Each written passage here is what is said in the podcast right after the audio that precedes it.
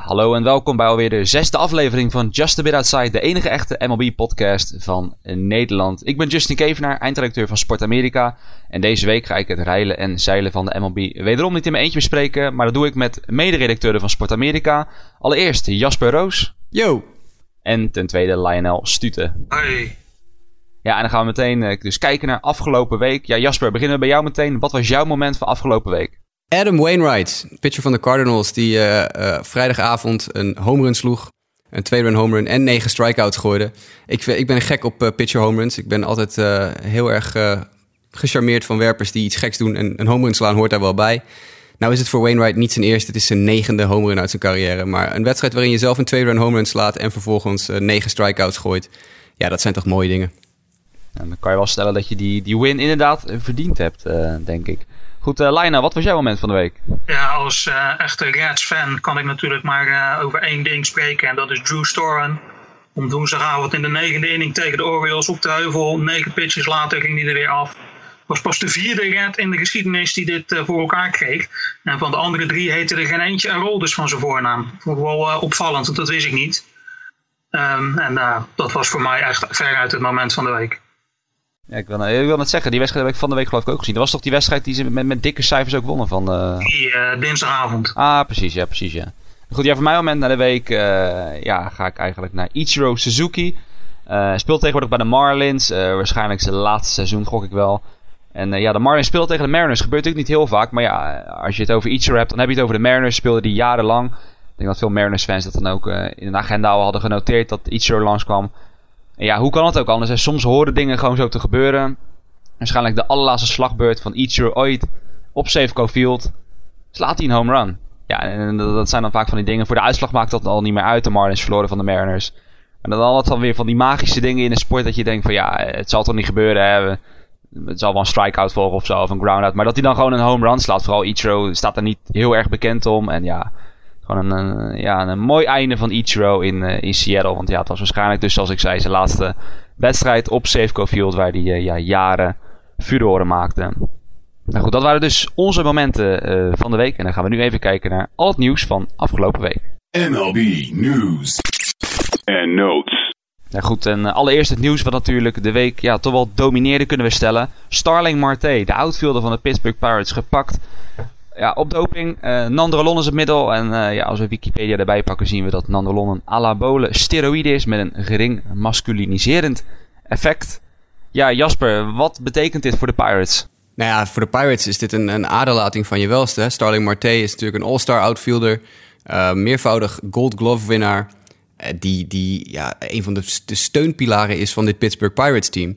Vorig jaar sloeg hij 311 uh, met 47 steals en won dus een tweede Gold Glove in twee jaar tijd.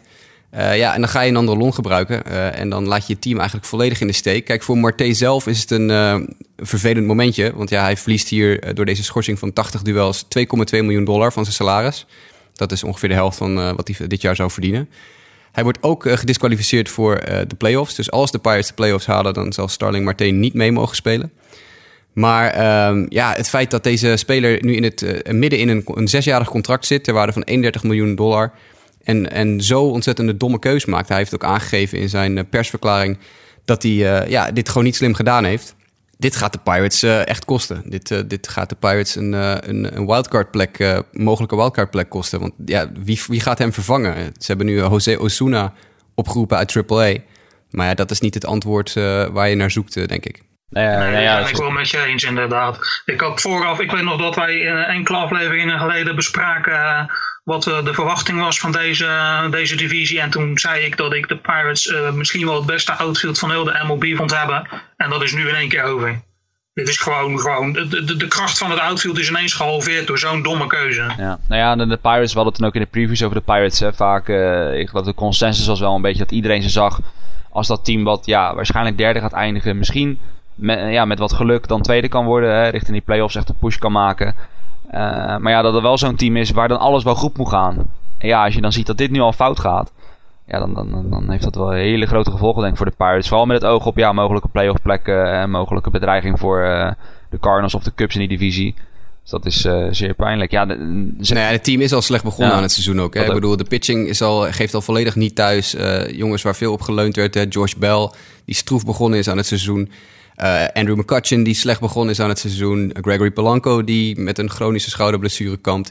En nu komt dit er overheen van eigenlijk je enige echt fitte en redelijk producerende sterspeler. Ja, en dan blijkt gewoon dat die jongen gewoon gepakt is in, in springtraining al. En dat het hele proces gewoon nog even geduurd heeft. En dan zie je toch de irritatie. Je ziet de irritatie bij zijn teamgenoten, maar je ziet ook de irritatie uh, in de league zelf. Uh, Comcast Sportsnet Chicago, CSN Chicago, interviewde Cubs eerste honkman Anthony Rizzo van de week over uh, deze situatie. En, en toen werd aan Rizzo gevraagd: wat vind je hier nu eigenlijk van? Is dit niet een veel te groot risico dat Starling Marte neemt? En daar had Rizzo het volgende over te zeggen. Is that a big risk if you're suspended eight games? You got a guaranteed contract. You take that risk to get the reward. That's the question you ask. You know, some guys, it is a big risk. Others, you get away with it, you get the big deal.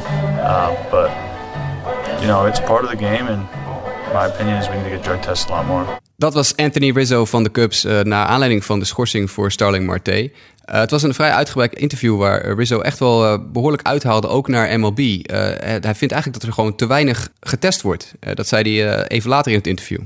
Me personally, I haven't been tested once this season. So just spring training. Yeah, the generic spring training test that you know you're getting tested. But other than that, I've had a solid two months of you know, random drug tests. I'll probably be drug testing the next week now because I'm saying this, but you know, for me, if it's it's 15 minutes to where we should be getting drug tests a lot more than we are.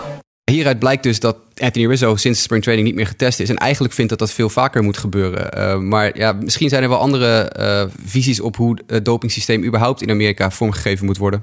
Ja, ja ik, ik vind eigenlijk dat Rizzo hier op dit punt wel gelijk heeft. Als je praat over, over middelen als, uh, als nandrolon en, en groeihormoon. Dit is gewoon gevaarlijk spul. Al is dit niet wetenschappelijk onderbouwd, omdat dat onethisch wordt gevonden. Toch is het gewoon, het is niet goed voor je. Het verandert je lichaam gewoon. Je kan er uh, kwalijke gevolgen voor je gezondheid, het latere leeftijd voor krijgen. Je moet gewoon streng op gecontroleerd worden. Maar daartegenover staat wel dat de dopinglijst enorm lang is. En dat er een heleboel middelen op staan die niet zo schadelijk zijn. Of die zelfs helemaal ook geen effect hebben op je presteren. Uh, en ik vind dat daar wel ook wel naar gekeken moet worden. Als je dan gaat testen op de gevaarlijke middelen, doe dan ook uh, de wat minder gevaarlijke middelen wat ruimer beoordelen. Dus laat dat onder bijvoorbeeld uh, medisch toezicht van de, van de, van de, van de team zelf uh, tot op bepaalde hoogte toe. Ja, je moet ook denk ik het hele systeem wat meer uit het donker gaan trekken nog. Er wordt al veel meer over gesproken in de openbaarheid, maar er is nog steeds informatie, uit, ook uit het verleden, die te veel verzwegen wordt. Uh, toevallig vrijdagavond een heel interessant artikel op The Guardian, de website The Guardian. we zullen de link naar het artikel in de podcastbeschrijving opnemen, dan kunnen mensen het zelf lezen. Het ging over het boek Moneyball, over de Oakland Athletics en Billy Bean. En daar wordt ook eigenlijk in dat artikel wordt besproken hoe in het boek het steroïdegebruik van de Oakland Athletics uit die periode gewoon volledig verzwegen wordt. En we hebben het over een team met Jason Giambi, Miguel Tejada, die allemaal later gepakt zijn of toegegeven hebben doping te hebben gebruikt in die periode. Terwijl we steeds meer in de openbaarheid gaan wat betreft de doping en er steeds minder mensen gepakt worden, hoewel uh, sinds het nieuwe MLB-systeem op dopinggebied Starling Marte de negentiende All-Star is die sinds 2005 gepakt is. Dat is eigenlijk best heel veel. Dus er wordt nog steeds veel gebruikt en het komt wel steeds meer in de openbaarheid. Maar het verleden wordt nog steeds een beetje genegeerd. En dat is toch ook iets waar je gewoon op een gegeven moment de boel moet dan, dan maar alles, alles op tafel en gewoon dit is het en nu, vanaf nu gaan we het anders doen. En dat gebeurt ook eigenlijk, dus als je ook naar Anthony Rizzo luistert, niet op een manier die heel veel hoop doet bieden voor de toekomst. Ja, het doet me altijd dan een beetje denken aan een sport als wielrennen bijvoorbeeld. Eh, ik bedoel iets heel anders, maar ook zo'n sport die er heel erg uh, en heeft geworsteld van oké, we weten dat het een groot probleem is, is geweest en nog steeds is eigenlijk. Uh, maar dat het, ja, de, stappen om het dan ja, op, een, op een nieuwe, efficiënte manier aan te pakken om, ja, om het echt ja, schoner te maken, zeg maar dat dat gewoon heel lastig is. Inderdaad, en wat je zegt, ook om de simpele reden dat dingen uit het verleden vaak, ja, uh, weet je, er wordt nog steeds niet openbaarheid gegeven. Blijft wat mysterieus. Hier en daar eh, komen af en toe wel wat, wat lijken uit de kast, om het zo maar te zeggen. Maar ja, wat je echt zegt, echt totale openbaarheid, daar is weinig sprake van. Nee, maar dit is natuurlijk ook moeilijk. Hè? Het, is, het is goed dat je wielrennen aanhaalt. Ik zie daar ook wel veel gelijkenissen in met. Kijk, wat, wat het is, je moet natuurlijk ook gaan onderzoeken waarom spelers dit doen. Ik bedoel, kijk, je, je hebt lange wedstrijden, je hebt een lang seizoen nog. Um, sommige jongens spelen gewoon 150, 160 wedstrijden. Oh, Marte is er daar misschien wel één van, gezien zijn, zijn status binnen het team van de Pirates. Het is moeilijk om dan een heel seizoen op topniveau te kunnen blijven doen. Misschien moet de MLB daar ook wel naar kijken. Van, misschien moeten we wel verplichten om spelers na uh, drie, vier, vijf wedstrijden een dag verplicht uh, te benchen. Ik noem Ja. maar wat. Ja, er moeten andere manieren gevonden worden om, dit, eh, om deze sport schoon te houden of te- schoon te maken. Er moet absoluut breder gekeken worden, absoluut. Ja, eh, ja, was dus, ja, de treurig nieuws voor de Pirates in ieder geval. En eh, ja, laten we hopen dat we dit soort dingen dan eh, minder vaak gaan tegenkomen. Voor ander nieuwtje gaan we richting het zuiden, richting het zonnige Miami. Ja, de Miami Marlins, we hadden het vorige keer al over. Ik weet niet of het vorige week was, maar we hadden het erover. Hè? Miami Marlins staan in de uitverkoop. De eigenaar die doet het team van de hand vanwege een baantje in Frankrijk. En nu zitten er verschillende partijen achter de Marlins aan. Eh, ja, Lionel, kun jij ons iets meer vertellen over die partijen die nu achter de Marlins aan zitten? Nou ja, we hebben het natuurlijk vorige keer al over eh, de, de groep eh, investeerders rondom Derek Jeter gehad. De groep investeerders rondom Jeb Bush. Daar is nu een groep investeerders bijgekomen rondom Tag Romney, de zoon van voormalig presidentskandidaat Mitt Romney. En die wordt eh, onder meer ondersteund door Tom Glavine, eh, de Hall of Fame pitcher in het verleden voor de Braves en de Mets. En deze groep lijkt eh, net zo serieus te zijn als de twee eerder genoemde groepen. Dus het, eh, het begint serieus te worden eh, richting een, een biedingsoorlog om wie nu de nieuwe eigenaar van de Marlins gaat worden. Eh, achter de schermen wordt ook gezegd dat er nog eh, twee andere groepen zijn. Eentje rondom een investeringsmaatschappij van iemand die ik niet ken, een zekere Rothbaum. En dan wordt er nog gezegd dat eh, Miami Dolphins eigenaar Steven Ross ook wel interesse heeft. Alleen is dat nog niet officieel bekendgemaakt. Nee, en de biedingen tot nu toe schijnen te liggen rond de 1,2, 1,3 miljard dollar. En dat is een dusdanig groot bedrag dat eh, Derek Jeter en Jeb Bush nu naar verluid samen in dit eh, verhaal zijn gesprongen. Waar ze twee weken geleden nog elkaars concurrenten waren. Schijnt het nu zo te zijn dat er achter de schermen samengewerkt wordt in een poging. Dus inderdaad Tom Glavine en Tag Romney. En die Wayne Rothbaum van, van Quick Quake Capita. Eh, eruit te kunnen bieden. Klopt, ja. Dit is inderdaad waar. Het bod van Jeter en Bush samen zou inderdaad over eh, de som van 1 miljard dollar kunnen gaan. En dat was hiervoor niet mogelijk. Dit is ook de reden waarom eh, Steven Ross nog niet officieel bekend heeft gemaakt mee te willen bieden. Want als het daadwerkelijk boven het miljard gaat komen, dan is dat te veel voor hem. Ja. Ja, flinke, flinke bedragen in ieder geval. Ik bedoel, dat eh, ziet... En zeker als je ook bedenkt eh, wat eh, Jeffrey eh, Loria hiervoor zelf betaald heeft. Hè? Enkele tien, jaar geleden, is tien jaar geleden, vijftien jaar ja, geleden? dat, dat wilde ik net aankaarten. Sowieso, als je ziet, niet alleen in de MLB, maar in alle sporten, weet je, waar, waar, waar dan wisselende eigenaren zijn. Van die, die bedragen, kijk, tuurlijk, hè, je hebt een beetje inflatie en dergelijke, maar de bedragen die er toen voor neer werden geteld, dat, dat is dat deze, een prikje, een prikje met, ja, wat, wat ze er nu voor betalen. Echt bizar als ik nu inderdaad bedragen zie, 1,2, 1,3 miljard. Ja, voor de Miami Marlins, ik bedoel niet eens de meest prestigieuze franchise van de MLB. Ik bedoel, moet je je voorstellen wat, wat bekendere franchises zouden moeten opleveren.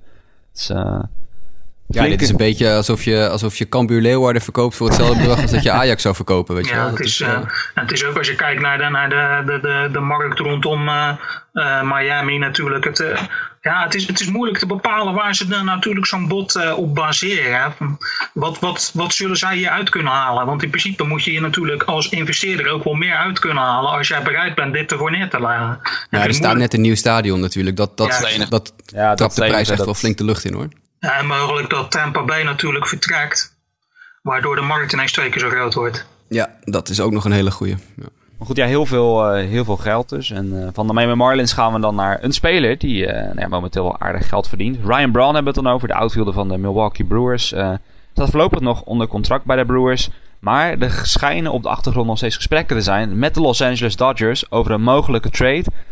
Ja, Jasper, hoe zit dat verhaal precies in elkaar? Met de, Brewers die dan eventueel Brown zouden willen wegtraden naar de Dodgers. De Brewers hebben natuurlijk eh, één echte franchise-speler. Dat is Ryan Braun, die al jaren daar de superster is. En restaurants in Milwaukee heeft en echt een gezicht in de community is. Maar toch inderdaad steeds meer de verhalen. Ryan Braun gaat misschien weg bij Milwaukee. En dat heeft dan vooral te maken met het feit dat de Brewers hem kwijt willen voor 24 mei 2017.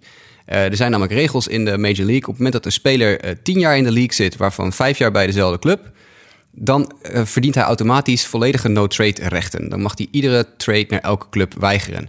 En op het moment dat uh, 24 mei 2017 voor de deur staat, dan heeft Ryan Braun zijn 10 and 5 rights binnen. Oftewel, dan kan hij vanaf dat moment elke deal weigeren. Nou, de Brewers zijn natuurlijk in grote mate in wederopbouw. Hebben niet zo heel veel noodzaak meer aan één superster in hun team. Voor de rest zijn het allemaal jonge gasten die daar lopen te ballen. Ryan Braun past daar eigenlijk niet tussen. Ja, het is een geweldige honkballer, die past in elk team. Maar niet in een team dat eigenlijk geld probeert te besparen... om op die manier aan de toekomst te bouwen.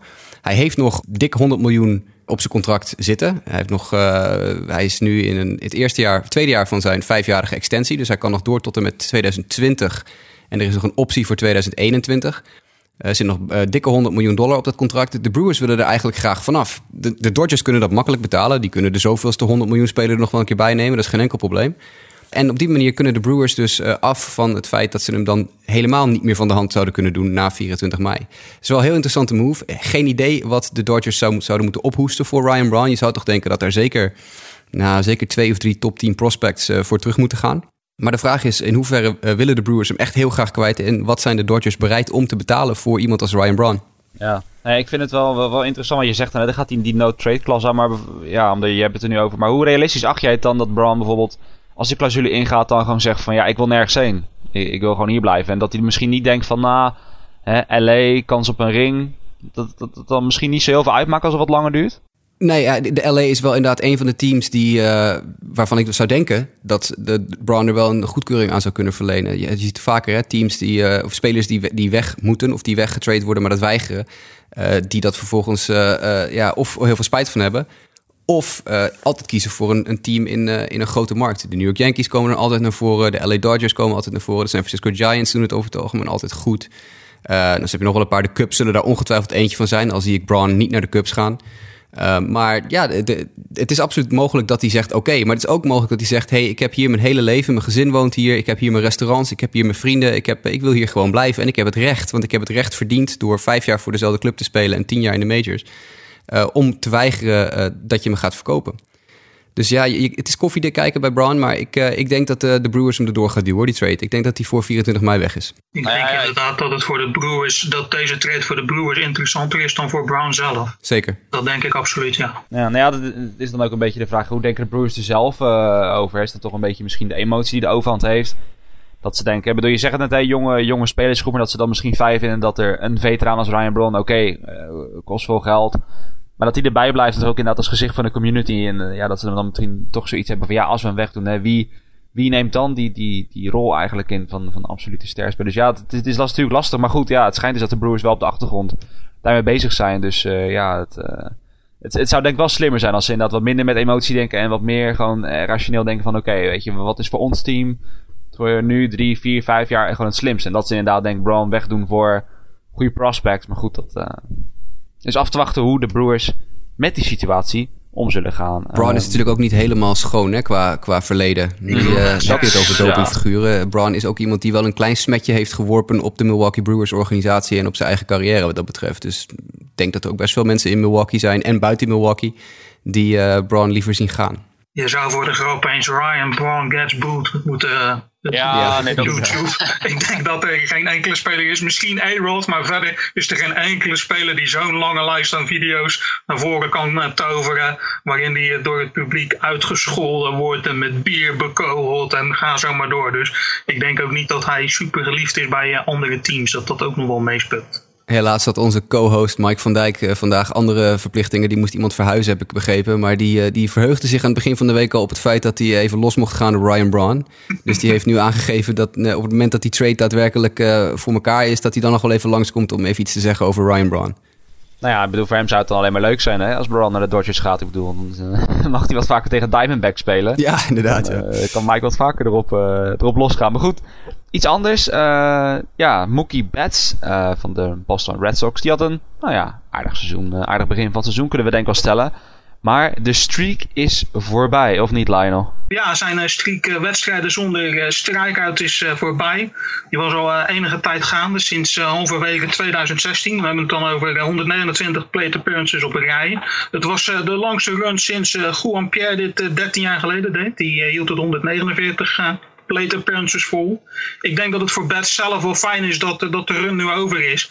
Want ehm, hoe langer zoiets bezig is, hoe meer daarover gesproken gaat worden. En je hoort vaak van spelers dat als zij in zo'n reeks zitten, dat ze dan die druk ook gaan voelen. En zodra dan die, die snap er is, dat, dat de reeks voorbij is, dat ze weer vrijheid kunnen gaan spelen en gewoon weer opnieuw gaan opbouwen. Dus voor Bets zelf zal het, hoewel die graag misschien het record had gepakt, zal het ook wel een, een stuk eh, verlichting van de druk zijn. Ja, nou ja, uh, moet ik zelf zeggen, ik zag van de week dan die, die, die, die strikeout. En uh, voor iemand wie, wiens reeks dan voorbij is, had Liriano wel heel goed te pakken, moet ik zeggen. Dat, uh, ja, dat zag er niet echt bepaald mooi uit.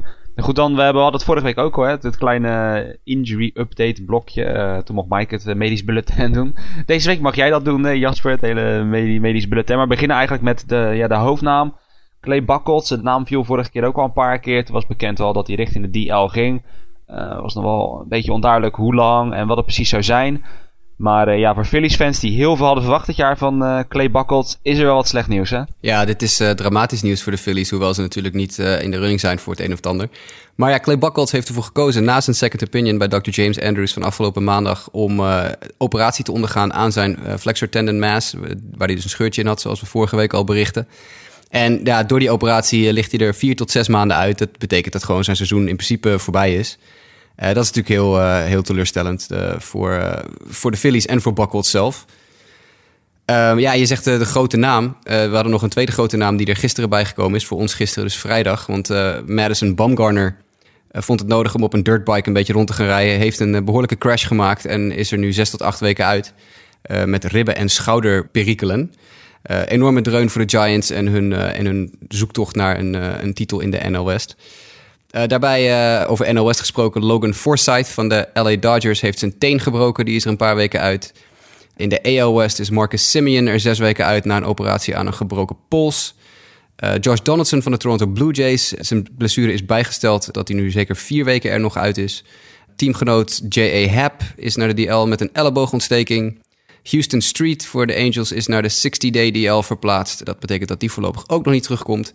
En uh, de onzinblessure van deze week is Sam Dyson van de Texas Rangers. Sam Dyson is op de DL gezet met een licht gekneusde hand.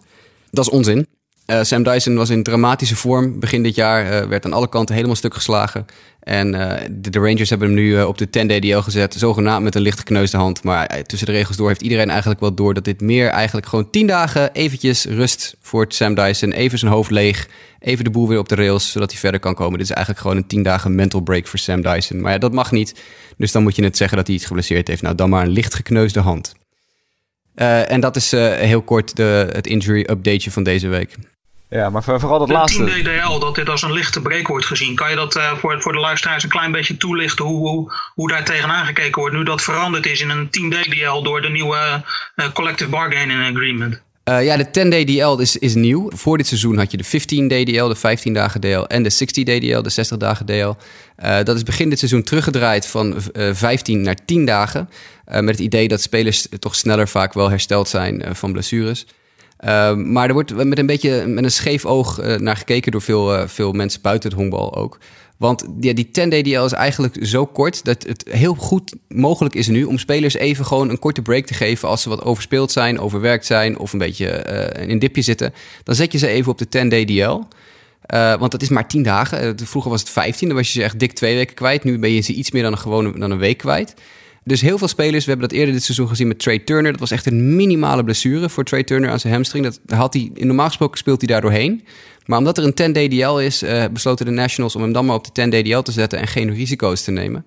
En ja, de 10 DDL is dus wat dat betreft veel bruikbaarder voor dit soort trucjes zoals nu met Sam Dyson toegepast wordt. Ja, nou ja, goed. Je, je moet nu een trucje, maar bijvoorbeeld met, Turner kan ik me dan wel voorstellen met een hamstring dat je dan misschien, hè, een jonge belangrijke speler, uh, dat je dan misschien oprecht maar het zekere voor het onzekere wil nemen en dat het dan een, een, een ja, een goede uitweg is, zeg maar. Uh, inderdaad, met, met Dyson. Ja, natuurlijk. Maar de vraag is maar in hoeverre ze dat gedaan hadden als het een 15 DDL was geweest. de vraag is, hadden ze hem daadwerkelijk ook op de 15 DDL gezet? Want dan ben je hem wel gewoon dik twee weken kwijt. Nee, dat, dat, dat is wel een, uh, een fair point inderdaad. Maar met Dyson, ja, ik ben benieuwd of er nou inderdaad meerdere teams dit, uh, dit voorbeeld gaan volgen. Want ja, hoe vaak zien we niet hè, closers of setup relievers struggelen? tot een punt dat je echt denkt van ja, waar, waar moet dit heen? Ja, weet je, eh, die motion, hè, dat, dat is dan weer, weer de vraag. Kan dat? Hebben ze een option en dat komt meteen weer echt over. Hè? Dat is dan vaak ook weer zo dat zo'n speler mentaal kan knakken. ja, dit is wel even voor iemand als Sam Dyson, die hiervoor wel een bewezen, bewezen closer was. Een bewezen reliever voor de, voor de Rangers. Ja, goede kans om uh, even alles op orde te krijgen. Ik betwijfel of het helpt. Het kan misschien ook averechts werken. Maar als het gaat werken, dan zou je denk ik zeker zien dat andere teams dit voorbeeld gaan volgen. Nou, ik denk dat hij zijn plekje als closer trouwens wel kwijt is hoor, bij de Rangers. Want Matt Bush die staat hartstikke goed te gooien en die neemt ook nu de honneurs waar. Een dikke kans als Bush het goed doet, dat hij dan gewoon mag blijven en dat Dyson gewoon weer een setup man wordt. Nee, dat zeker, dat zeker. Um, dus ja, tot zover dan inderdaad hè, jouw, uh, jouw medisch bullet hè, van deze week. Uh, ga naar een ander verhaal. Uh, de, de, de umpires was van de week wat, wat gedoe over. Ik zag het van de week in de app. Ik heb die wedstrijd zelf niet gezien. Maar dat van met name CB Buckner. Die had maar liefst 29 gemiste strike- en ball calls bij de Washington Nationals tegen Atlanta Braves. maar ook vaak met, met replay calls. En dat is wel interessant. Hè. Ik zelf ben een groot NFL-fan. Wat je daar altijd ziet, is dat, dat de umpires, of tenminste de referees daar, die geven dan met de microfoon richting het stadion aan wat er gebeurt. En bij de MLB heb je dit eigenlijk nooit. Je ziet altijd, je ziet ze naar die monitor kijken, ze komen naar buiten en hè, dan is het of safe of out, whatever. Ja, goed, Lionel, in Japan wordt dit al langer gedaan, maar, maar wat denk jij? Zou het een goede zaak zijn als ze dit ook in de MLB aan gaan pakken? Dat het wat ja, gewoon dat, dat het publiek en ook de mensen die kijken wat meer info krijgen over waarom calls gemaakt worden. Nou ja, er wordt in ieder geval over nagedacht. Vorig jaar is er sprake geweest dat dit tijdens de All-Star Game gedaan zou worden. Alleen werd dat pas op het laatste moment ineens uh, bedacht en was er te, weinig tijd om dit daadwerkelijk ook door te voeren. Maar het is wel iets waarover nagedacht wordt. Het is wat je zegt, hè. Uh, zelfs met replay heb je nu dat uh, je ziet wel dat er overlegd wordt, maar je hoort niks en je moet nog steeds zelf op het beeld afgaan van ja, wat, wat is dit nou? En dat, eh, dat zou wel kunnen veranderen. Dat zou natuurlijk, het zou veel uh, speculatie en problemen weg kunnen nemen. Als jij dat overleg tussen die umpires kan horen. En als jij een, een, soort verklaring krijgt waarom zij een beslissing maken. We hebben in het begin van dit jaar, ik meen dat het bij een Yankees wedstrijd was. Ook gezien dat er een replay call werd gegeven. Die zelfs in de replay nog fout was. En dat, dat, je, je kan dan in ieder geval volgen waarom een umpire een bepaalde beslissing uh, neemt. En dat zou ik wel een goede zaak vinden. Ook bij ejections hè, bijvoorbeeld. Je ziet het wel eens dat er spelers in een, in een hele grote vechtpartij of iets dergelijks... of een beetje duwen en trekken op het veld... dan blijken er eens achteraf vier of vijf spelers uit het veld gestuurd te zijn. Maar dat weet je niet wie, want ja, je kan niet, niet volgen wie er allemaal uitgestuurd zijn. Dat is ook wel handig als dat even omgeroepen kan worden dan van... oh ja, trouwens, deze spelers die zijn uitgesloten van verdere deelname. Dat gebeurt in Japan wel. We zagen toevallig Vladimir Valentin een paar weken geleden in Japan... een heel grote brawl veroorzaken... En toen aan het eind van de brawl liepen de scheidsrechters naar de zijkant. Die pakte een microfoon en die vertelde even aan het publiek... nou, die en die spelers zijn uit het veld gestuurd wegens uh, ja, onsportief gedrag. En dat, dat ja, verschaft wel veel duidelijkheid, denk ik, voor fans. Dat je niet denkt van, hé, hey, waarom is uh, sterspeler A ineens niet meer op het veld? Nou ja, omdat hij net iemand een tikje op zijn achterhoofd gegeven heeft. Ja, je ziet het in meer sporten natuurlijk. Hè. Justin zei al, de, NFL. Je hebt in het rugby natuurlijk de, de, de umpires die de volledige wedstrijd met een microfoon omlopen. Zodat je zelfs in het veld hoor je hem discussiëren met, met de spelers. Uh, ja, in het tennis is wel heel anders. Maar daar wordt in ieder geval elke call wordt natuurlijk altijd door de umpire uitgeroepen. Het is gewoon op zich is het natuurlijk wel gewoon goed voor de transparantie dat, dit, dat, dat, dat je dit kan meekrijgen. Ja, nee, dat zeker. En vooral wat je dan zegt bij een sport als rugby. Dat... Uh sport die ik verder niet heel intensief volg of zo. Maar wat me vaak dan opvalt bij, uh, bij een groot evenement, dat je alles kan meekrijgen. En dat is eigenlijk zo vet. Je kan gewoon heel die discussie kan je meekrijgen. Wat er inderdaad bij, bij calls komt kijken. En vooral, ja, ik snap dat ze bij dit soort sport aan de ene kant wel, dat, ze daar misschien wat, wel, ja, wat, wat bang voor zijn of zo. Want er staan wel heel veel ogen, ogen op gericht en, en dergelijke. Maar ja, ik bedoel, voor, voor de fans en dan gewoon, ja, überhaupt meer transparantie gewoon in waarom bepaalde dingen gebeuren en waarom bepaalde beslissingen worden genomen. Dat, ja, dat, dat, dat, zou ik alleen maar toejuichen. Het is alleen maar de vraag inderdaad, ja, hoe verder zitten de scheidsrechters erop, uh, erop te wachten dat je, dat je alles kan meegaan. Ik kan me voorstellen dat zij misschien wel zoiets hebben van, nou weet je, dit is wel prima zo. En uh, weet je, laat het maar hierbij. Maar ja, ik zou het wat dat betreft alleen Ja, maar goed, als je zoals CB Buckner van de week uh, 29, ja. wat jou zei, echt 29 uh, strike calls miste. Hij zat er gewoon 29 keer naast. Nou, ga eventjes uit van uh, pak een beetje 300 pitches per, per wedstrijd. 29 keer een strike of een bal verkeerd callen als je een Major League umpire bent. En dan vervolgens de wedstrijd beëindigen met een foutieve strike call. Want hij, ik weet niet of mensen dat gezien hebben, maar hij, uh, hij gaf een uh, foutbal wat absoluut geen foutbal oh, was. Ja, ja. Uh, wat, gewoon, wat gewoon een strikeout moest zijn. En een paar dagen later miste hij een ongelofelijke veldcall. En toen stond hij op het derde honk een dag daarna. En gaf hij aan dat een, een, een, bal gevangen werd die absoluut niet gevangen was. Het was gewoon echt niet eens, niet eens in de buurt. Uh, dus zolang scheidsrechters dit soort rare beslissingen nemen, is een, uh, een verduidelijkheidsmechanisme, uh, denk ik, niet, niet verkeerd. Nee, maar die, die laatste call, die heb ik inderdaad nog, geloof ik, in, bij de highlights voorbij zien komen. Dat, dat was toch, de, de honken waren zelfs gevuld, geloof ik. En, dat de Nationals echt dachten dat het klaar was. Wil- Wilden al het veld afgaan. Dan moesten ze weer terugkomen om nog eh, die, die ene strike te krijgen. En voor hetzelfde geld gaat, gaat het foute verliesje zodoende gewoon die pot. Precies. Omdat, omdat de umpire gewoon een, een blunder van je welste maakt. Ja, bedoel, dat toch elke wedstrijd die telt in het opzicht. Nee, dat was eh, geen gelukkig wedstrijdje voor CB, eh CB Buckner. Ehm, ja, goed. Ja, CB Buckner wordt al jarenlang, hè, ook door de spelers Ja, uitgeroepen tot slechtste umpire in de Major League. Die, ja, die, die, die inderdaad niet al te, die, ja, niet al te populair maken. Dat, dat, dat is zeker zo. Ehm, ja, Het zijn ook altijd dezelfde namen. Wanneer, wanneer je ze kent allemaal, dan weet je dat het fout zit. Het is altijd Angel Hernandez, Oh ja, Angel Buckner. Joe West. Het zijn altijd dezelfde, dezelfde jongens die ernaast zitten. Ja, dus ja. Ja, ik zit altijd te denken, ja, je kan een moeilijk gezicht bij, bij, bij, bij, bij, vormen, vind ik zelf. Maar die namen die worden dan echt heel vaak voorbij ook op Twitter en dergelijke. Ja. ja, precies. Eh, we hadden het net eigenlijk al een beetje over de transfernews in de vorm van Ryan Brand, trade nieuws. Eh, maar toch ook een beetje free agency nieuws. Ja, dat is dan misschien een beetje apart, hè, want het seizoen is bezig. Er zijn helemaal geen free agents nu. Maar we hebben wel iemand en de naam is Luis Robert. Eh, ja, ik zelf ben nooit zo helemaal van, van de mensen buiten, buiten Amerika, prospects en dergelijke. Maar ik heb me laten vertellen, door jou Jasper, dat het best wel eens een jongen is waarop flink geboden gaat worden. Ja, dit is een, een supertalent. Uh, Louis Robert of Louis Robert, het ligt eraan hoe je het uit wil spreken. Niet alle publicaties spreken het hetzelfde uit. Maar in ieder geval, deze jongen is een 19-jarige Cubaanse outfielder. Beetje van dezelfde categorie als uh, Johan Moncada, als je het zo ziet. Het is een beest van een gozer. Hij is super gespierd.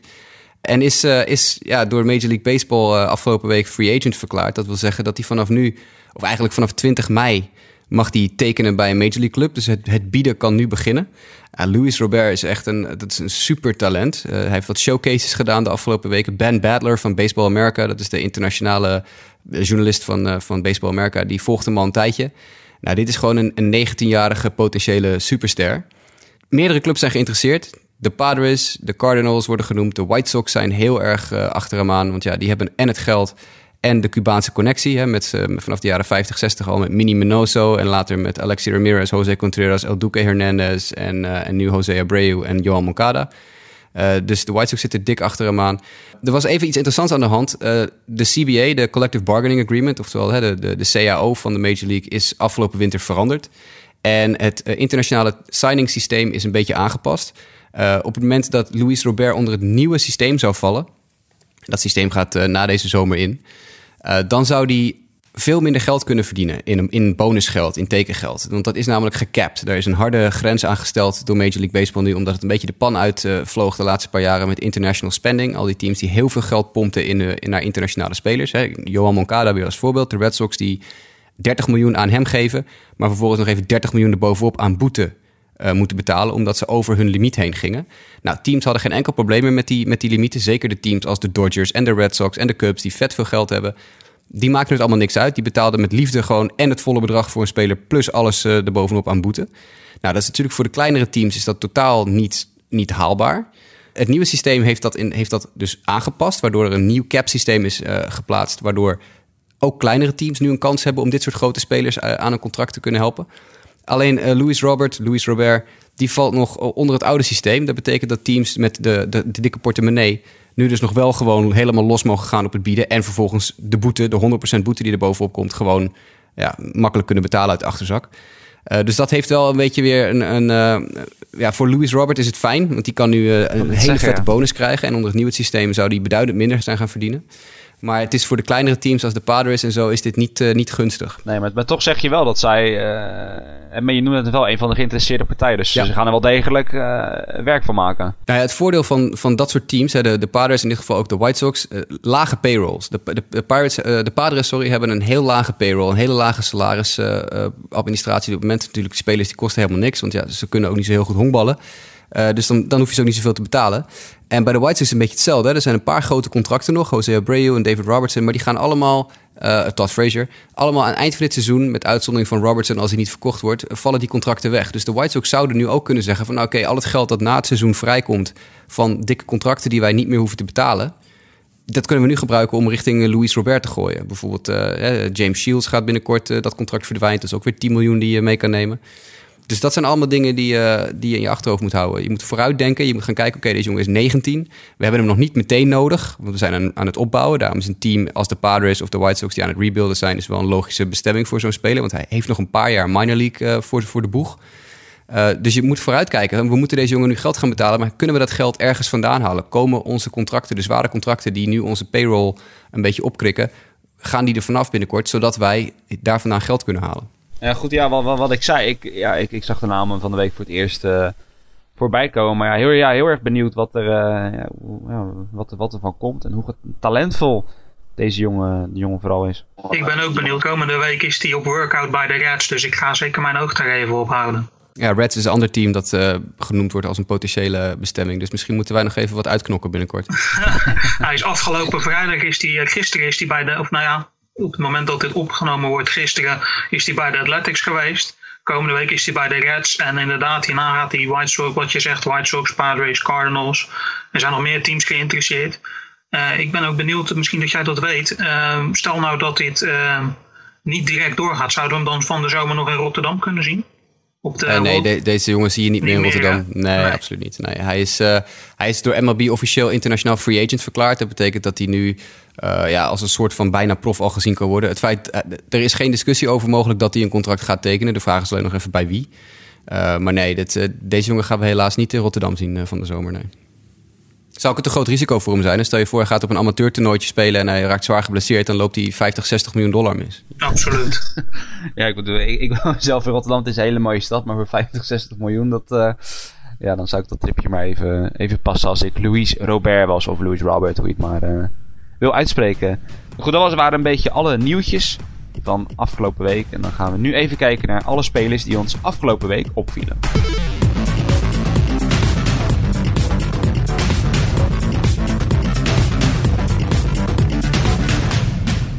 Nou goed, we hadden het net onder andere, hè, dopinggeval, Starling Marte. Uh, maar gelukkig gebeuren ook genoeg positieve dingen. Leuke dingen in de MLB, uh, mooie dingen.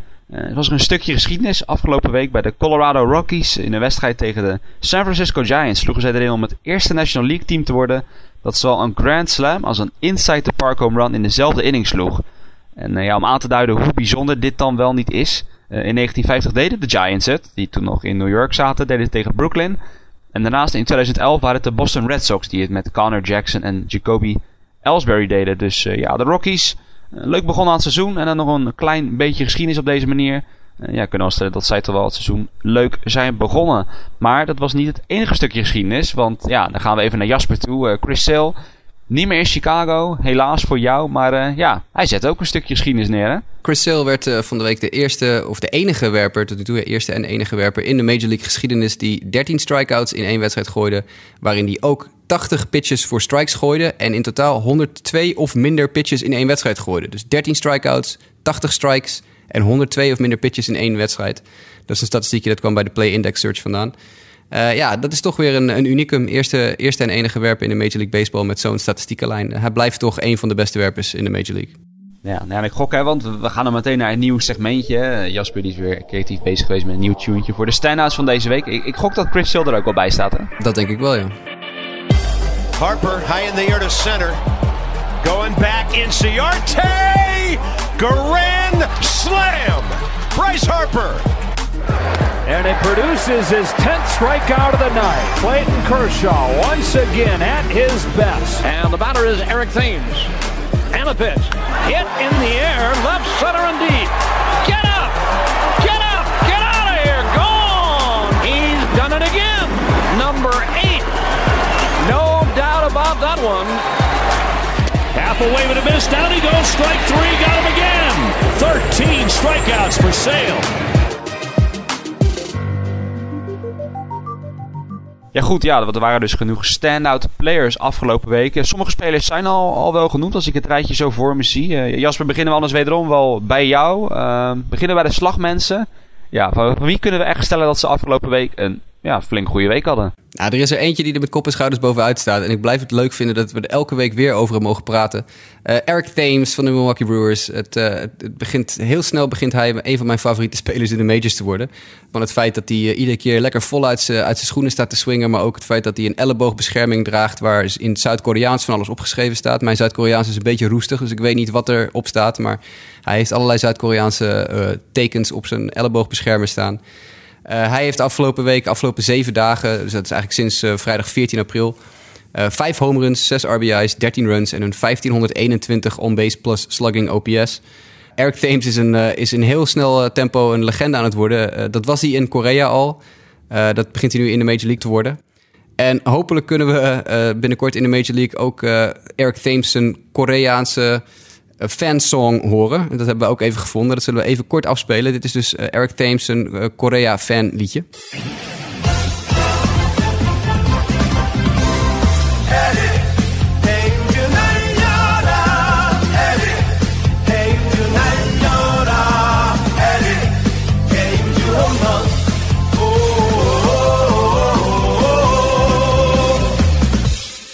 Uh, dat was Eric Thames, een Koreaanse fanliedje dat in Korea gespeeld werd op het moment dat hij uh, het veld inkwam. Het is te hopen dat het binnenkort ook naar de majors overwaait, want dat is natuurlijk te gek. Verder, Bryce Harper was uitmuntend deze week. 5 home runs, 12 RBI's, 9 runs en een 1941 OPS. Eric Thames' ploeggenoot Travis Shaw is na een koude week weer gloeiend heet. 4 home runs, 9 RBI's, 5 runs, een gestolen honk en een 1200 OPS. Uh, Ryan Braun, we noemden hem al even, heeft ook een goede week. Ook een Milwaukee Brewer. Het zijn dus drie Milwaukee Brewers in deze top uh, zes die we hebben. Uh, drie home runs, 7 RBI's, 6 runs, drie gestolen honken en een 1490 OPS voor Ryan Braun. Freddie Freeman was ook uitstekend bezig. 4 home runs, 6 RBI's, 7 runs en een 1662 OPS. En dat is toch wel opvallend om te zien. Hè? Dan kijk je naar iemand als Bryce Harper, 5 home runs, 12 RBI's. En dan kijk je naar Freddie Freeman, 4 home runs, zes RBI's. En dan kan je dus het opmaken dat, de, dat Freeman voor een dramatisch slecht team speelt... waar gewoon uh, ja, niet genoeg mensen op de honk komen om, om binnen te slaan. Terwijl Harper gewoon twee keer zoveel RBI's heeft met één home run meer. Uh, er zat dan wel een Grand Slam bij, zoals we gehoord hebben in de tune. Maar dat, uh, dat terzijde. En de laatste slagman die er absoluut uitsprong deze week was uh, Cleveland's Jose Ramirez. Net contractverlenging getekend aan het begin van het seizoen. Hij sloeg drie home runs, 10 RBI's, 6 runs en heeft een OPS van 1345 deze week. Ja, dat waren de beste zes slagmensen eigenlijk van, uh, van de afgelopen week. En als je kijkt naar de, de win above replacement leaders, dus de, de WAR. WAR is een statistiek die bekijkt hoeveel uh, een speler meer waard is dan een gemiddelde speler in de Major League. Dan uh, is het een heel opvallend verhaal. Er staan heel veel bekende namen in. Zo staat bijvoorbeeld Mike Trout en Nolan Arenado staan tweede met 1,3 WAR. Eric Thames trouwens ook tweede met 1,3 WAR, WAR, wins above replacement. Uh, Bryce Harper, Lorenzo Kane, Chase Hadley en Freddie Freeman staan gedeeld ja, vijfde dan dus, uh, met 1,2 war. Maar al drie weken lang de leider in het klassement wins above replacement voor aanvallende positiespelers is mijn grote man Mitch Haniger met 1,5 war. Ja, is niet echt de naam die je uiteindelijk, ja, bedoel, kijk, je was positief over Haniger voorafgaand aan het seizoen. Ik denk niet dat je had voorspeld dat hij na drie weken eigenlijk, hè, stel je zou nu een MVP moeten verklaren dat het misschien wel Mitch Haniger zou zijn. Ja, dat had ik niet verwacht. Ik had inderdaad wel verwacht dat hij het heel goed zou gaan doen. Want als je naar zo'n minor league uh, periode kijkt, dan ja, die jongen die, die snapt het gewoon. Maar dit had ik ook niet verwacht, nee. Nou goed, nou daar hadden we het al over, dan over, over alle positiespelers. Uh, Lionel, dan spelen we nu de bal naar jou toe. Want ja, natuurlijk, Waar de slagmensen zijn die goed in vorm zijn, zijn natuurlijk ook genoeg werpers die afgelopen week goed in vorm waren. Ja, we zien uh, bovenaan de, de lijst van de goede pitchers zien we gewoon weer de usual suspects terug. Hè. De mannen die je daar mag verwachten. Uh, Clayton Kershaw met 7 gepitchte innings, 10 strikeouts, een 2.57 ERA en een 0.86 whip. Uh, vlak daarbij ook Chris Sale, 15 innings gepitcht. 25 strikeouts, een 0,60 ERA en een 0,73 whip. Het zijn toch wel de mannen waarvan je verwacht dat zij uh, zelfs al vroeg in het seizoen bovenaan staan. Uh, waar het gaat om goede prestaties voor, uh, voor pitchers. kort daarachter zien we ook Irvin Santana met 15 gepitchte innings. Daarin 13 strikeouts, een 0,60 ERA en een 0,60 whip. James Paxton, heeft 8 innings gepitcht en 9 strikeouts, 0,0 ERA en 0,25 whip.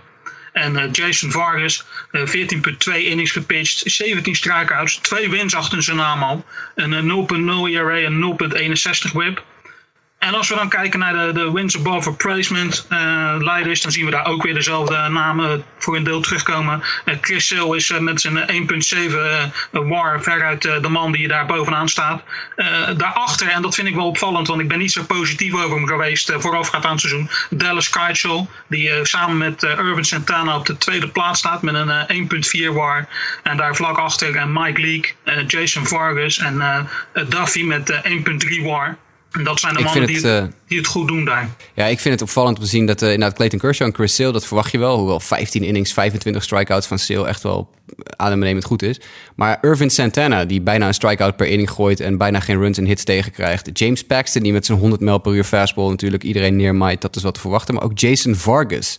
14 innings gegooid, 17 strikeouts. Die, die, die gooit niet harder dan 89 mijl per uur. En toch staat hij geweldig te gooien. Ongelooflijk inderdaad. Ja, maar, maar, maar, maar nog zo iemand, wat eigenlijk een naam die, die ik hier niet zie. Ik weet niet of, of jullie dat wisten, maar ik zat dat nu even. Ik heb die statistieken zo voor me van alle, alle ERA's. Staat die één werper niet tussen.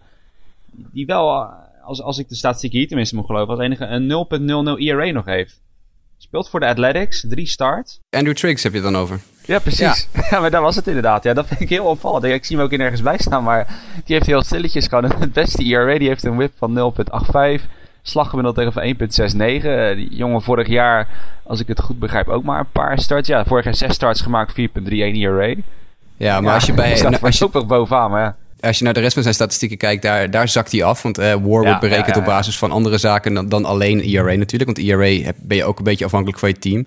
Maar uh, Triggs heeft bijvoorbeeld, uh, die gooit minder dan één strikeout per twee innings. Die staat op negen strikeouts nu, in 18 innings of zo. Uh, dus dat is, uh, daar, daar verliest hij het een beetje op als, het op, uh, als je het over war hebt en zo. Ja, daarom, want je ziet ook inderdaad eigenlijk van al die, al die mannen die een beetje ook qua ERA in de top staan. Ik bedoel alleen maar, kijk maar naar Chris Sale. Die heeft 42 strikeouts in die over het seizoen. Ja, en Andrew Trix heeft er maar 9. Ja, dus ja, er zit wel een klein beetje verschil in, in stijl inderdaad en efficiëntie. Dus Trix zal waarschijnlijk wel een beetje wat, wat naar beneden gaan kukelen. Maar ja, het is op zich wel leuk als dat soort onbekende namen ook leuke prestaties ja, absoluut. Ja, zeker. Uh, ja, goed, een, een andere speler. Uh, we hebben het nu ook in positieve zin over spelers. Uh, ja, Yadier Molina, we hadden het laatste over een nieuw contract in St. Louis. Maar sinds hij dat contract heeft getekend, ja, kunnen we niet stellen dat we de, echt de, de Yadier Molina op zijn best hebben gezien. Of niet, Lionel?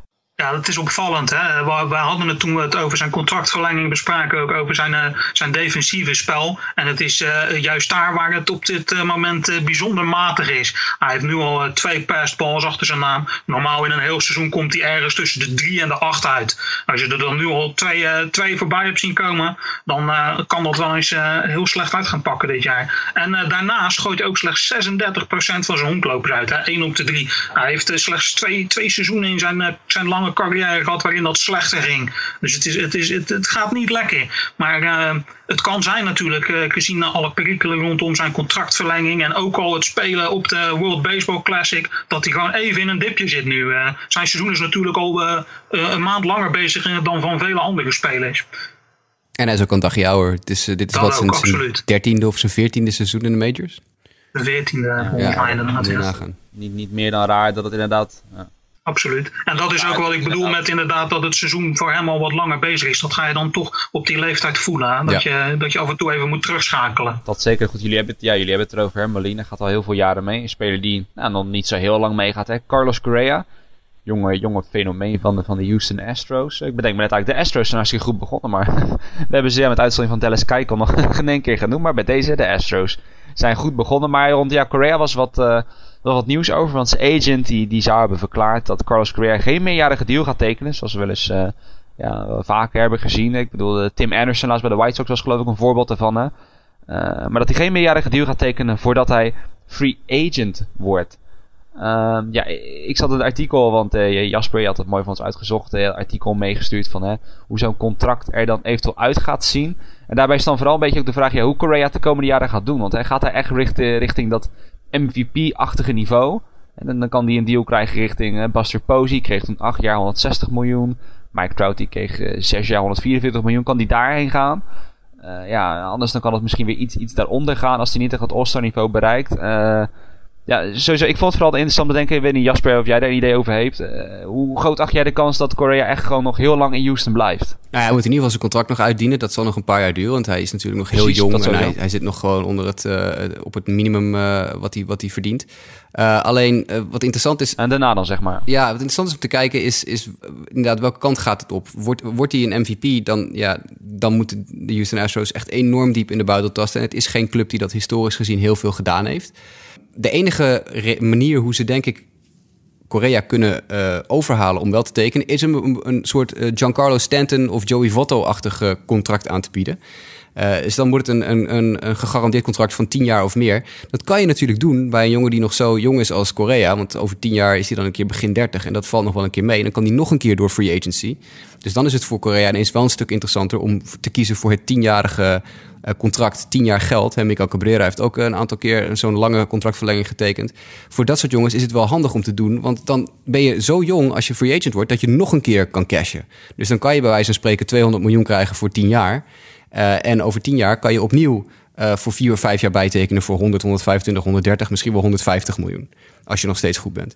Dus de enige manier hoe de Astros hem denk ik binnen kunnen houden is als ze hem een tienjarig contract aanbieden. Ja, nou, dat uh, ja, ik denk dat we sowieso ons niet zorgen over te maken over de toekomst van Carlos Correa en financieel opzicht. En ja, ten, tenzij in deze carrière wel heel erg fout moet gaan. Maar qua geld zal, zal het wel goed zitten. Ja, ik hoop in ieder geval wel zelf. Ik bedoel, de Astros spelen momenteel hartstikke leuk. Het zou veel voor hun heel leuk zijn als... Uh, ik bedoel, dan weet ik even uit mijn hoofd niet hoeveel zijn leeftijd verschilt met die van Jose Altuve. Ik bedoel, Altuve is wel iets ouder, denk ik. Als ik het uit mijn hoofd uh, zo Volgens mij scheelt dat wel twee, drie jaar. Ja, daarom niet zoiets ouder zijn. Maar ja, ik bedoel, voor de Astros uh, fans zelf... Ja, het is natuurlijk wel eens als ze die tot, tot in de eeuwigheid, uh, zolang ze zo goed zijn... bij elkaar kunnen houden. Maar in ieder geval heel interessant hoe zich dat gaat ontwikkelen. Net zoals in dat artikel, stond ook sowieso al... Hè, de situatie met een Manny Machado en Bryce Harper... die voor hem daarvoor in aanmerking komen. Hoe dat gaat lopen. Ik bedoel, hè, komt hij richting dat niveau. Hè, dan zal hij ook wel dat soort bedragen gaan krijgen die zij zullen gaan krijgen. Dus het, wordt in ieder geval heel interessant om te gaan uh, ja, zien welke kant dat allemaal op zal gaan. Nou goed, we hebben het dan over jonge spelers. Maar Carlos Correa, hè, die is geen rookie meer. Uh, ja, Jasper, jij bent een beetje onze, onze rookie-expert. Voor Sport Amerika schrijf je wekelijks de, de Rookie Watch. Kan je ons vertellen over de, de verschuivingen die er deze week weer hebben plaatsgevonden in die rookie-ranglijst? Ja, vorige week hadden we het even over uh, de potentiële verschuivingen. En ja, we namen natuurlijk die show een aantal dagen, een dag of vier, vijf voordat ik de nieuwe column schrijf op. En toen had ik het uh, over dat er, nou ja, dat de top, de top zou niet heel veel veranderen. En er komen er misschien wel één of twee nieuwe bij. Uh, maar ja, toen had ik eventjes nog wat tijd om er echt diep in te duiken. En toen kwam ik uiteindelijk op een top 10 waar maar liefst zes nieuwe namen in stonden. en dat betekent dat er ook zes mensen uitgeknikkerd zijn. Uh, de nieuwe namen waren Grant Dayton van de Los Angeles Dodgers, 29-jarige lefty reliever, die uh, nu al eigenlijk anderhalf seizoen ontzettend goed bezig is. Antonio Senzatela van de Colorado Rockies, 22-jarige rechtshandige werper die een beetje uit het niets is gekomen. Uh, en nu hartstikke goed staat te gooien, 2,37 ERA, 0,95 WHIP. dat gaat ook prima, hij heeft, al zijn starts, of heeft twee van zijn drie starts gewonnen. Uh, die was nieuw. Amir Garrett van uh, Lionel Cincinnati Reds. Ik geloof in, uh, in Amir Garrett. En dat geloofde ik al toen ik de Prospect Watch van de Cincinnati Reds schreef afgelopen winter. Maar zeker nu ook, nu die begonnen is aan het seizoen. gooide van de week weer, wat was het, 13 strikeouts, 11 strikeouts in één wedstrijd. Dus die, die is ook hartstikke goed bezig. Manny Pina van de Milwaukee Brewers, catcher van de Milwaukee Brewers. Ook een 29-jarige rookie. Het zijn allemaal wat oudere rookies die uh, deze lijst in zijn gesneakt. Want toen ik de column schreef, uh, sloeg hij 4,33 met een 1085 OPS. Uh, Matt Davidson, de derde honkman, aangewezen slagman van de White Sox. Ook al wat ouder, ook al een stukje in de 20, eind in de 20.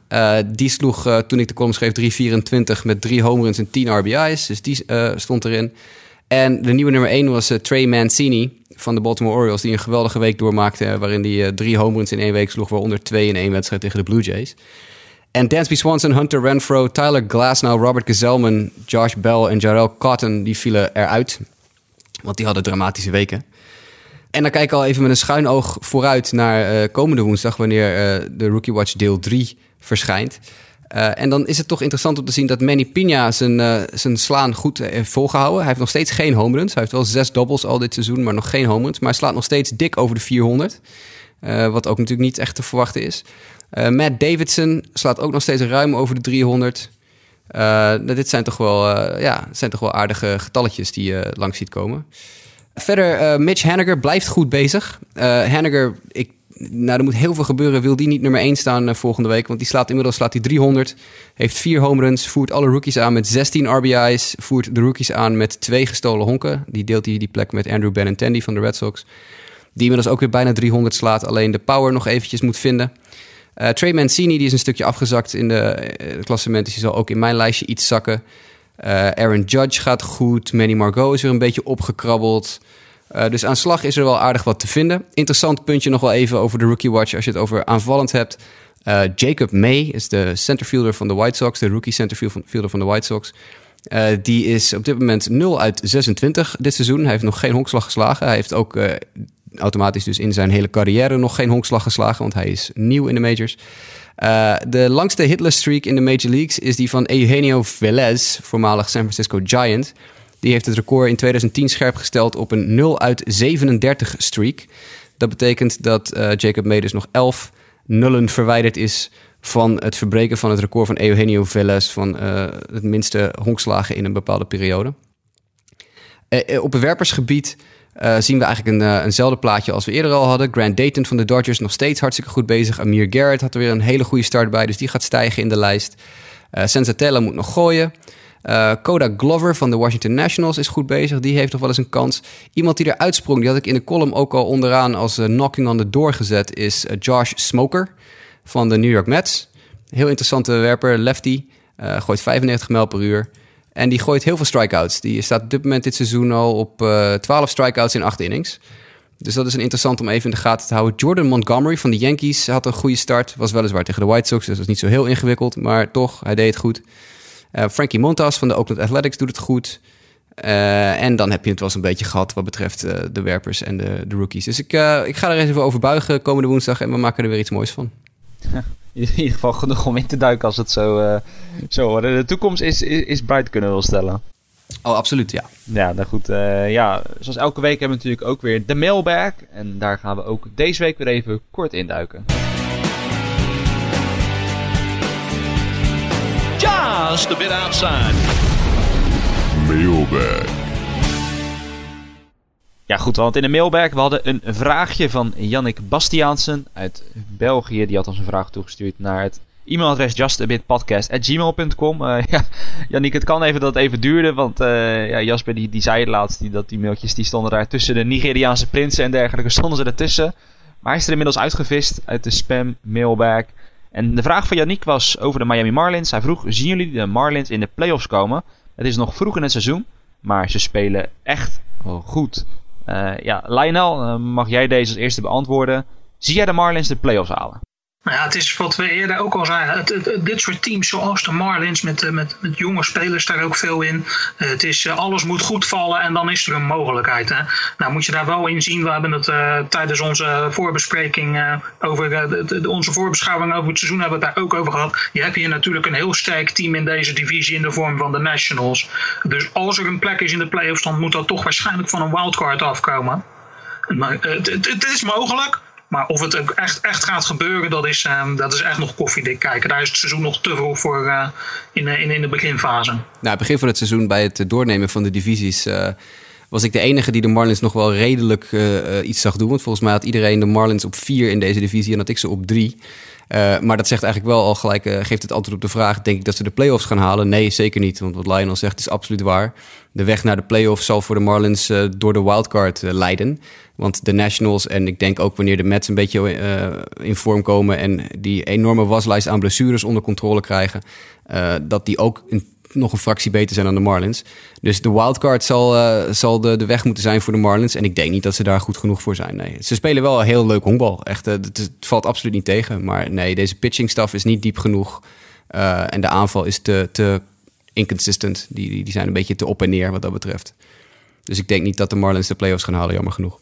Nee, dat is het inderdaad. Het, is gewoon, het, moet allemaal goed vallen. We hebben het hier al zo vaak over gehad, ook met verschillende andere teams. Alles moet goed vallen. En dan kan je misschien plek 2 pakken. En dan moet die plek 2 ook nog eens goed genoeg zijn voor een van die wildcard uh, plekken. Dus het is, het is gewoon best wel een moeilijke weg om te bewandelen. Ja, nou ja, goed. Het, is in ieder geval, ik vind, ja, Lionel, je zegt het net terecht. Het is nog koffiedik kijken. Het is in ieder geval, ja, kijk, zolang ze hè, rond de 500 blijven hangen en een beetje daarboven. Op het moment dat we dit opnemen staan ze 8 en 8. Ja, is er altijd wel een mogelijkheid dat je dan die wildcard insneakt. Want ja, op de Nationals staan ze nu al drie wedstrijden achter. Ja, die, die blijven gewoon de, de torenhoog favoriet hier. Uh, moet alleen wel toevoegen, ik, ik, zou het ze ergens wel gunnen. Ik bedoel, ik ben een Mets-fan, maar de Marlins, ik bedoel, na de, tragedie rondom uh, Fernandez van afgelopen, uh, afgelopen jaar. Het zou natuurlijk wel een fantastisch eerbetoon zijn als ze de playoffs kunnen halen en daar ook echt daadwerkelijk wat kunnen doen. Maar ja, je moet ook realistisch blijven. En dan zie je inderdaad dat, ja, dit, team is er nog niet. Uh, zeker leuk begonnen. Ik bedoel, uh, ik geloof vorig jaar toen hingen ze ook wel heel lang rond, rond de 500. En ja, dat, dat, is denk ik ook een beetje wie ze zijn. En als het een paar keer goed valt, ja, wie weet kunnen ze het net halen. Maar ja, je zag het met de Pirates, hadden we het net over. Ja, als er iets fout gaat, dan is het denk ik wel een team dat er ook kwetsbaar voor is. En dat dan snel zomaar ja, een losing streak uh, van je welste kan oplopen. Dus ja, Yannick, ik weet niet of je ook een Marlins fan bent. Eh, maar ja, we, we houden nog een beetje een slag om de arm. We weten het niet zeker, maar ja, we, we hopen enigszins met je mee dat, het, dat ze in ieder geval wel in de buurt gaan komen. Nou, en daarmee, ja, dat was eigenlijk het enige in de mailback. Dus laat ook meteen maar mensen oproepen. Stel, heb je vragen over teams, over spelers, over whatever. ja, je kan het dus via justabitpodcast.gmail sturen. Ook gewoon via onze Twitter-accounts, persoonlijke accounts kan het. Via Sportamerika, via facebook.com slash sportamerika. Kan allemaal via die wegen. Dus heb je vragen, stuur ze vooral via die wegen door. En dan uh, kunnen wij het volgende week gaan beantwoorden. En ja, dat was het wel zo'n beetje voor deze week, hè, denk ik. Ja, ik denk het wel. Ja, ik bedoel niemand die wat... Uh, ik weet niet, uh, Lionel, jij niet... Uh, want we hadden het net over Amir Garrett. Dat vond ik misschien nog wel even nog een kleine sidestep te maken. Amir Garrett, ben jij daar... zie je dat echt zitten? Ik, toekomstige denk, ace? Ik, toekomstige ace vind ik iets te veel eer voor hem. Ik, ik, ben, ik ben heel blij met hoe hij het nu doet. En ik, uh, ik, ik denk ook dat dit is wat hij kan. Maar ik denk ook dat hij, dit, dit zijn plafond is. Ik denk niet dat hij in de komende jaren nog een paar stappen vooruit kan zetten. En echt, echt het topniveau kan halen. Het, het valt nu gewoon goed. En als alles goed valt, dan is dit wat zijn potentieel is. In mijn ogen. Ik ben wel gecharmeerd van Amir Garrett. Ik vind, hem wel, uh, ik vind het wel wat hebben allemaal. Ja, laten we het even niet vergissen. Ik, uh, ik ben al een, een levenslang Reds-fan en uh, ik heb, zit al mijn leven lang naar een team te kijken waar jaarlijks de slooppogel doorheen gaat. Dus je kan wat pessimistische woorden van mij ja. van de Reds verwachten zo nu en dan. Ja, precies. Nee, maar dat, ja, dat, dat is op zich ook wel terecht. Hè. Realistisch moet je altijd blijven. Nog één ding wat ik dan zelf nog wil toevoegen. Uh, want ik had het aan het begin van de uitzending over Ichiro Suzuki. En dan zie ik hier een stat die ik jullie dan toch niet wil onthouden. Ik lees hier namelijk via ESPN Stats dat Ichiro met die home run tegen de Mariners... Hij werd de oldest player in MLB history die een home run sloeg tegen een team waar hij meer dan 10 seizoenen voor speelde. En de voorgaande was Hall of Fame catcher Carlton Fisk. Dus dat is, dat is toch mooi ja, voor uh, meneer Suzuki. Precies, leuk uh, dingetje. Waarmee hij dan weer wederom in de recordboeken van de MLB komt. Dus ja, daarmee is er einde gekomen deze show. Ik heb het net al allemaal gezegd via alle kanalen waar je ons kan bereiken. Facebook.com slash Sportamerika. Ook de Sportamerika Twitterpagina. justabitpodcast.gmail.com. Kan je ze allemaal op vinden. Staat ook straks maandag weer netjes in het bericht van onze podcast.